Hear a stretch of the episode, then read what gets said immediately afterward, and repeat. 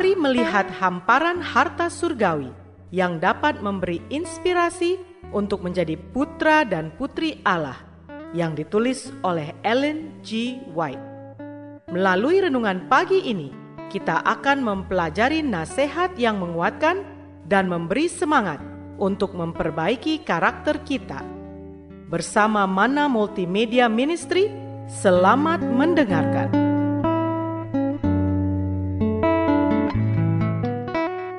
Shalom, selamat pagi saudaraku. Renungan pagi kita hari ini 3 Juli berjudul Untuk Mempercayai Dia. Bersama saya, Pendeta Andri Daembani. Ayat intinya diambil dari Amsal 29 ayat 25. Demikian firman Tuhan. Takut kepada orang mendatangkan jerat, tetapi siapa percaya kepada Tuhan, dilindungi. Mari kita dengarkan penjelasannya. Tuhan menghendaki agar engkau memiliki keberanian yang baik. Jadilah kuat. Setan sedang bekerja pada segala sisi untuk menghancurkan iman dan membuat orang tidak bahagia. Kalau engkau tidak berpengalaman dalam melihat siasat-siasat setan, Keselamatanmu satu-satunya ialah di dalam doa. Bukakanlah semua rahasia hati kepada penyelidikan mata yang tidak terbatas itu, dan mohonlah kepada Allah untuk menjadikan engkau suci dan kuat, dan memperlengkapi engkau dengan sempurna untuk peperangan hidup yang besar itu. Iman bertumbuh oleh pergumulan dengan kebimbangan. Kebajikan mengumpulkan kekuatan oleh perlawanan terhadap penggodaan. Segala berkat dianugerahkan pada orang-orang yang mempunyai hubungan yang hidup dengan Yesus Kristus. Yesus memanggil mereka kepada dirinya bukan hanya untuk menyegarkan kita dengan anugerah dan hadiratnya, untuk beberapa jam, lalu kemudian menyuruh kita pergi dari terangnya untuk berjalan terpisah dari dia dalam kesedihan dan kemurungan. Tidak, tidak. Ia memberitahukan kepada kita bahwa kita harus tinggal dengan dia dan dia dengan kita. Di mana saja pekerjaannya harus dilakukan, ia ada di sana.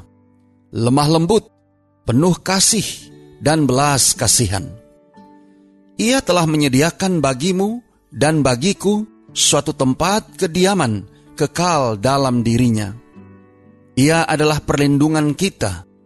Pengalaman kita haruslah bertambah luas dan bertambah dalam.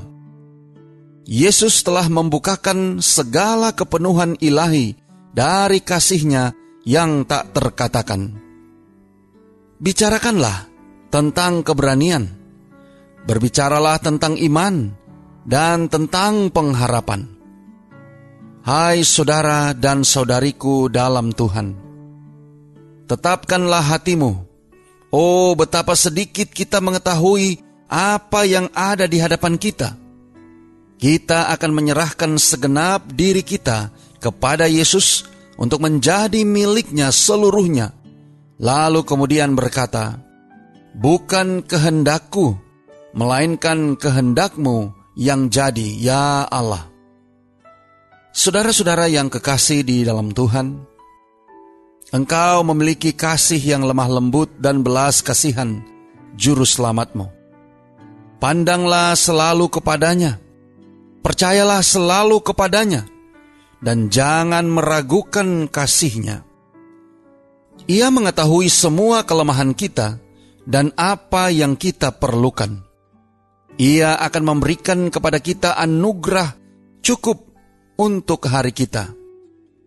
Hanya pandanglah senantiasa kepada Yesus, dan jadilah memiliki keteguhan hati yang baik. Dalam iman sejati ada kegembiraan, prinsip yang teguh yang tidak dapat dilemahkan baik waktu santai maupun kerja berat. Doa kita hari ini. Bapa, terima kasih.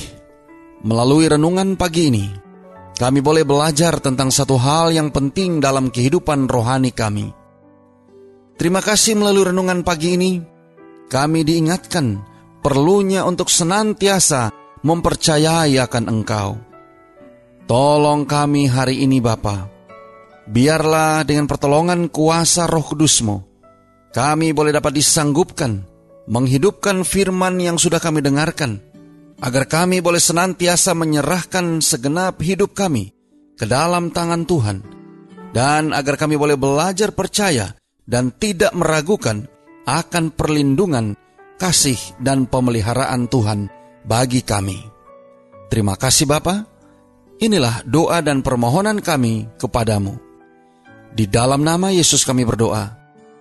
Amin.